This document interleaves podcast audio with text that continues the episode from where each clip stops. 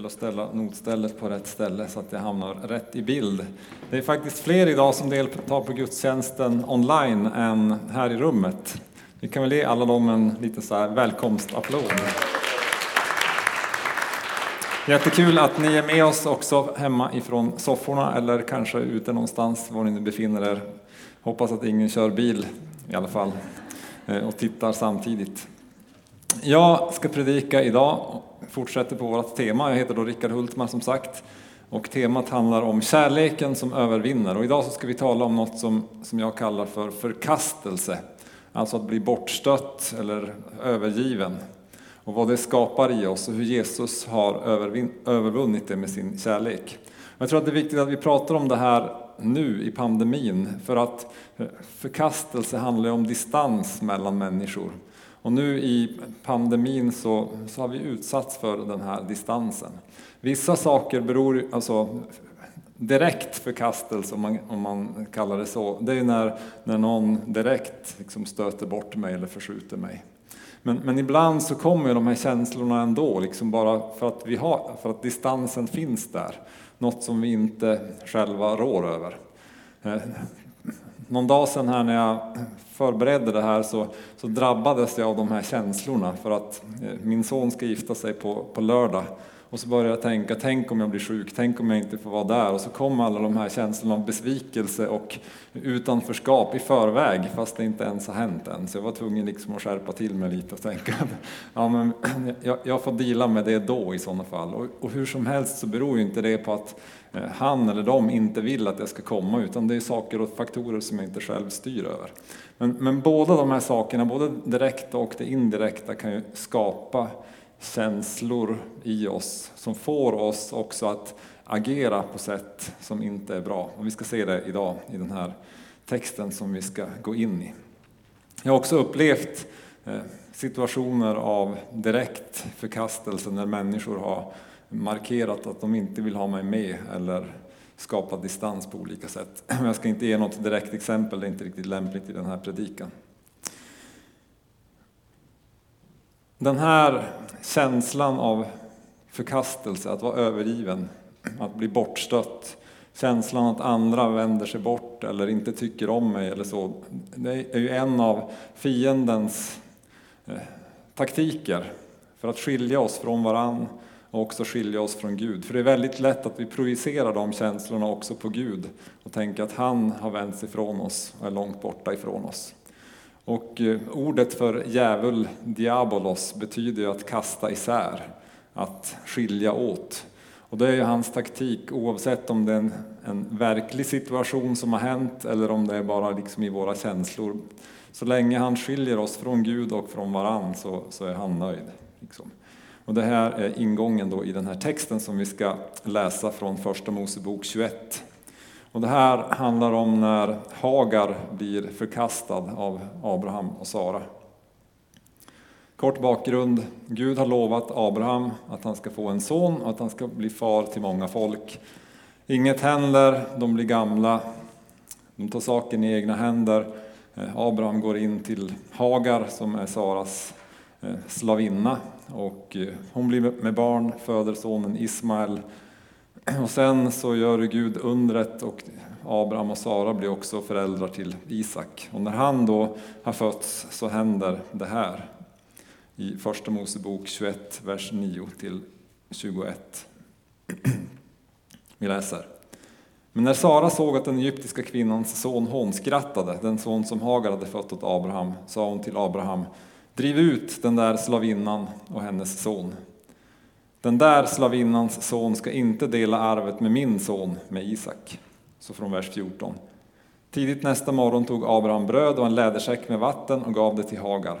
Han lade det på hennes axlar och lät henne gå tillsammans med pojken. Hon gav sig iväg och irrade omkring i Bershebas öken. När vattnet i lädersäcken hade tagit slut övergav hon pojken under en buske och gick och satte sig en bit bort, på ett bågskotts avstånd. Hon tänkte, jag orkar inte se på när pojken dör. Där satt hon en bit bort och grät högljutt. Då hörde Gud pojkens röst och Guds ängel ropade till Hagar från himlen och sa till henne, Hur är det Hagar? Var inte rädd. Gud har hört pojkens rop där han ligger. Gå och res upp honom och ta hand om honom. Jag ska göra honom till ett stort folk. Och Gud öppnade hennes ögon så att hon fick syn på en brunn med vatten. Hon gick dit och fyllde sin lädersäck med vatten och gav pojken att dricka. Herre, vi ber att du ska tala till oss genom den här texten. Vi ber att din helige Ande också ska komma redan nu och börja beröra våra hjärtan med, med ditt liv. I Jesu namn. Amen. Hagar blir alltså bortstött, utdriven i öknen av Abraham och Sara. Och det här är ju hårt för henne förstås. Eh, förkastelse kan ju vara jättehårt. Och en del av de orsakerna till att vi blir förkastade eller upplever förkastelse kan ju vara mm, skilsmässa, att bli lämnad av sin pojkvän eller flickvän, att bli lämnad till adoption som barn, att som tonåring tvingas flytta hemifrån fast man kanske inte vill, att föräldrarna favoriserar ett syskon, eller att barnen tar avstånd från sina föräldrar, eller att som en av våra församlingsledare blir avstängd från Facebook helt oförskyllt. Eh, tänk vad det kan skapa liksom, av känslor. Eller att bli bortvald av vänner för andra vänner. Att inte bli bjuden när andra blir bjudna. Att inte bli befordrad på jobbet eller inte få den lön man tycker att man är värd. Så det är en mängd sådana saker som, som kan skapa den här eh, distansen, att vi blir förkastade. Och de här, eh, den här förkastelsen skapar ju olika känslor. När vi tittar på berättelsen om Hagar så, så blev hon förvirrad, alltså hon irrade omkring i öknen i, på en, liksom en torr plats av utanförskap. Eh, hon, eh, hon grät högljutt, så det var en sorg över det som har hänt. Och ängeln får säga till henne, var inte rädd, så det är också en rädsla för vad som ska ske. Och det, är, det är naturligt att de här känslorna uppstår i oss när vi blir förkastade, för vi är skapade för gemenskap med varann och skapade till gemenskap med Gud. Det som händer här sen är också något som är väldigt vanligt och det är att Hagar i sin tur överger Ismael. Hon lämnar honom under en buske och skapar distans och går ifrån honom. Och det här är ju något som, som väldigt ofta händer i oss, för när vi upplever att vi blir förkastade, inte omtyckta av andra, inte älskade, så förmerar vi det till andra människor. Och, så där. och Det blir en kedjereaktion till våra nära och kära, ofta i familjer, ofta i andra relationer och så. Och det här fortsätter att förstöra för oss. Texten fortsätter med att Gud hör bönerna och kommer in i den här situationen. För Gud vill alltid stiga in i de här situationerna och komma med sin lösning. Gud vill inte att vi ska vara kvar i den här öknen av utanförskap och förkastelse eller i de här känslorna som fortsätter att skapa distans till oss. Och sen öppnar Gud Hagars ögon så att hon ser den här brunnen, källan i öknen, det som kan ge henne, ge henne liv och sonen. Och sen använder Gud hela den här situationen också för att föra Ismael in i sin plan om välsignelse som han haft från början. Kanske en annan predikan. Gud kan vända något som är ont till något som är gott. När vi pratar om förkastelse så måste vi nu komma till Jesus. Jag har svårt att tro att det finns någon person på jorden som har varit mer förkastad än Jesus. Han drivs mot stupet från Nasarets synagoga av församlingen som han har vuxit, in, vuxit upp i. Eh, de vill knuffa honom över kanten och döda honom. Man kan ju bara tänka sig vad det skapar, kan skapa för känslor igen om jag skulle utsättas för det. Sen förråds han av Judas, förnekas av Petrus, eh, buas ut av folket som ropar korsfäst, korsfäst, korsfäst döms av Pilatus utan att förtjäna det. Och sen så hånas han av i alla fall en av rövarna på korset som hänger bredvid honom. Alltså en otrolig förkastelse, bortstötthet, övergiven av de som är nära. Men på korset så visar Jesus oss något som är väldigt viktigt. Han liksom återigen kommer tillbaks till det här vikten av att förlåta. För på korset så säger Jesus, Far förlåt dem, för de vet inte vad de gör. Antagligen till människorna som har hängt, om de som har hängt upp honom, men jag tänker också att det handlar om alla eh, som har förkastat honom. För oförsonlighet, oavsett vad vi har utsatts för, är ju, är ju inte liksom behagligt i Guds ögon. Och Jesus vill inte ta något sånt upp på korset. Så även liksom när han hängs upp på korset så uttalar han förlåtelse över människorna. Han vill inte ta oförsonligheten upp på korset och peka på det sättet på att det är jätteviktigt för oss också att förlåta. För när vi förlåter människor som har förkastat oss så bryts den här makten över våra liv. För jag tror att det finns en, liksom en, en ond kraft i det, för att det, det, är något ont som görs. Och när vi, vi blir kvar i det så, så är vi kvar liksom under det här. Men när vi förlåter så kan Gud göra oss fria ifrån, fria ifrån det och kliva in i situationen och göra något bättre av det. Min egen upplevelse i det var att när jag och Therese, när vi, när vi gifte oss, så, så fanns det någonting av distans i mig som gjorde att det var svårt för mig att släppa henne nära mig. När vi bad och funderade på det här så, så liksom upp, kom jag på en par situationer där jag hade upplevt den här typen av förkastelse. Och när jag kunde förlåta de personerna och tala ut det, den förlåtelsen i, i bön så bröts någonting i mig som gjorde att jag kunde ta steg närmare min fru och det här bröts. Och det här liksom, eh, min, min handling som var liksom som Hagar, att lämna andra under en buske i öknen, försvann. Jag, kunde, jag kunde börja närma mig de människorna, först och främst Therese men också en del andra, på ett sätt som jag inte kunde ha gjort tidigare. Sen betyder inte det att känslorna inte har funnits där. Jag sa att det dök upp här senast i veckan igen. För, för de här känslorna av att vara förkastad eller att vara utanför kan ju ändå finnas där. Förvirringen, sorgen och så. Att bli helad ifrån, i, i sitt känsloliv är en annan sak och vi ska komma in lite mer på det alldeles strax. På korset så säger Jesus också en annan viktig sak. Han ropar ut, min Gud, min Gud, varför har du övergivit mig? Det här är ett citat från psalm 22 som liksom i sin helhet profetiskt beskriver hur Jesus känner på korset. Jesus upplevde att Gud hade övergivit honom, förkastat honom, lämnat honom. Och han gör det på grund av din och min synd, inte på grund av sin egen synd, utan att för att Jesus tog på sig våran synd, hela mänsklighetens synd på korset, så vände Gud sitt ansikte ifrån honom. Och Jesus får uppleva den värsta förkastelsen av alla när, när hans far vänder ryggen mot honom. Och det här gör Jesus frivilligt. Och det här, är, det här är stort och det här är viktigt.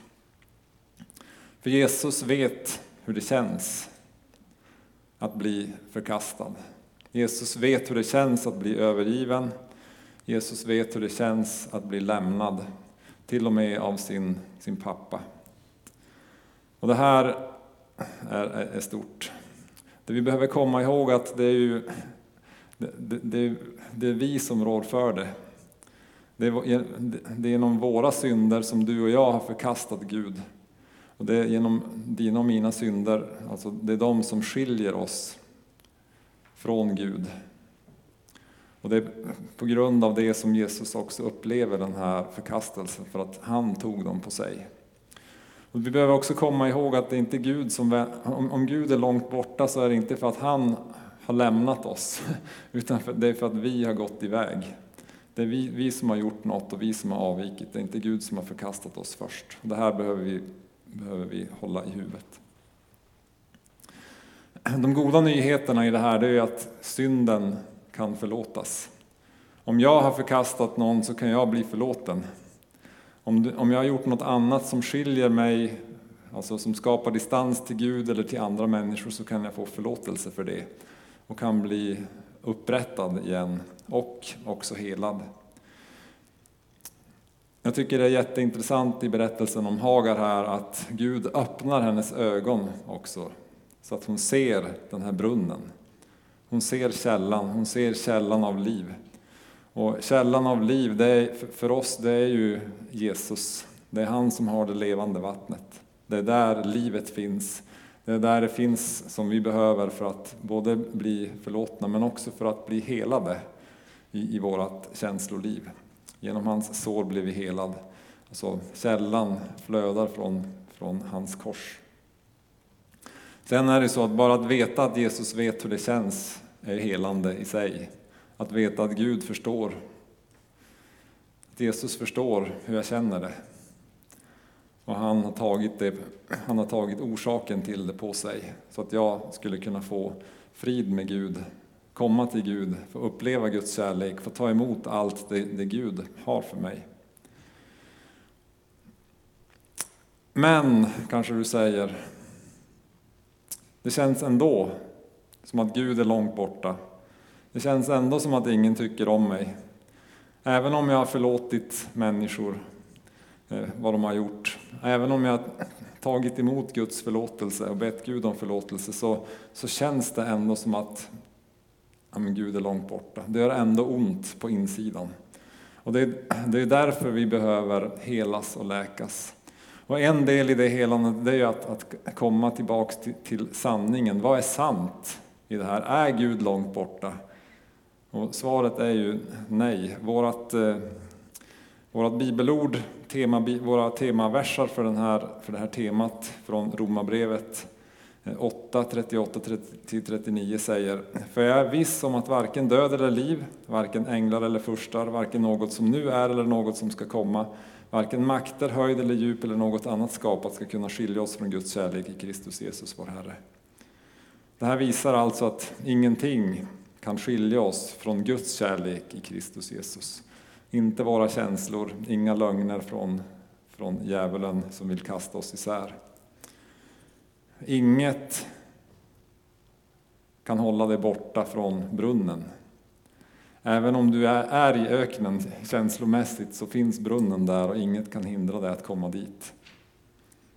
Johannes 6.37, där säger Jesus, alla som Fadern ger mig kommer till mig och den som kommer till mig ska jag aldrig visa bort. Så Jesus visar inte bort någon. Han kommer aldrig att visa bort dig. Du är alltid välkommen och får stanna och dricka av det levande vattnet. Det är en påminnelse till oss att fortsätta att komma till honom Ingenting skiljer oss från Guds kärlek i Kristus Jesus. Jesus visar aldrig bort oss. Vi får alltid komma till Gud. Oavsett hur det känns, så är det det här som är sant. Just nu i den här gudstjänsten så är Jesus här. Just nu i den här gudstjänsten så är eh, Guds källa, Guds brunn inom räckhåll. Och ingenting hindrar dig från att dricka ifrån den. Om du sitter hemma i soffan så, så är det ingenting som hindrar dig heller att ta del av, av det Jesus har gjort för dig på korset. Ta emot det livet och leva det livet tillsammans med Jesus. Oavsett vad känslorna säger om att Gud är långt borta eller att ingen bryr sig om mig eller, eller så. Jesus säger också, jag är med er alla dagar till tidens slut. Jesus är med dig om vi vet att Jesus är med oss och att den här källan finns tillgänglig så behöver vi lära vårat, alltså när vi har bett om förlåtelse, när vi har fått förlåtelse, när vi har förlåtit andra, så behöver vi lära våra känslor också att förstå att Gud är nära, för det är det som är sant. Vi behöver kom, istället för att liksom sitta kvar och sura under den här busken i öknen, så, så behöver vi gå till källan. Vi behöver be att Gud öppnar våra ögon, öppnar våra, våra känsloliv för, för vad han kan göra, så att han kan få, få göra sin, sin sak i oss och komma med frihet och helande och läkedom. Och också bryta den, de här kedjorna av förkastelse som, som så lätt uppstår runt omkring oss.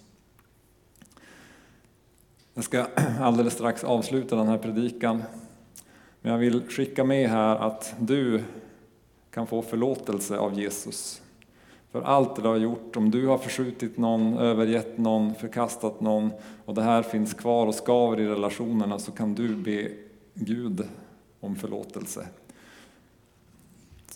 Du får komma till honom. Du kan ju be om förlåtelse för andra synder också förstås. Och sen så kan du förlåta dem som har gjort dig illa. Självklart så kan du, om du vet att du har förkastat människor, så kan du be, bör du be dem också om förlåtelse. Men du kan komma och också få eh, alltså, tala ut förlåtelse inför Gud. Och på det sättet liksom lägga ner din rätt att vara sur och ledsen och arg. Och få Guds hjälp att komma ut ur den här känsloöknen. Bibeln säger närma dig Gud så ska han närma sig dig.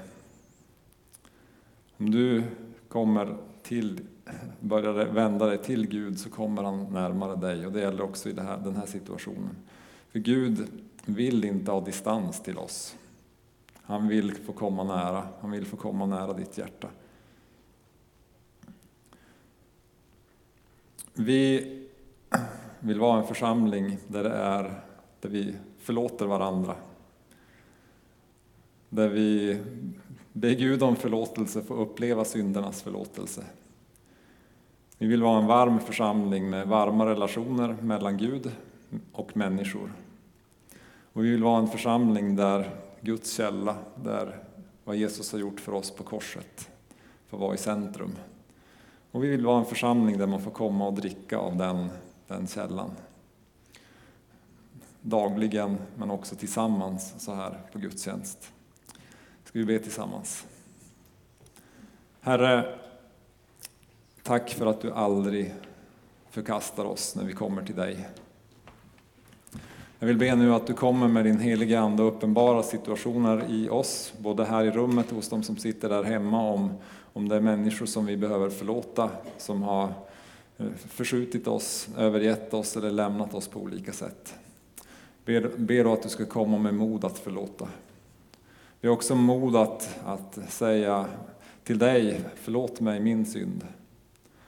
Men framförallt vill jag också be att du nu ska komma med, med din helige Ande så att vi alla tillsammans men också enskilt får dricka av källan och smaka på ditt liv. Få ta emot det som helar våra känsloliv och, och ta, bort den här, ta bort de här känslorna av utanförskap, eh, en, ensamhet, förkastelse, eh, distans som, som fienden vill få oss att tro på när det inte är sant. Jag ber att du ska komma med den, den friheten och den glädjen idag. I Jesu namn. Amen.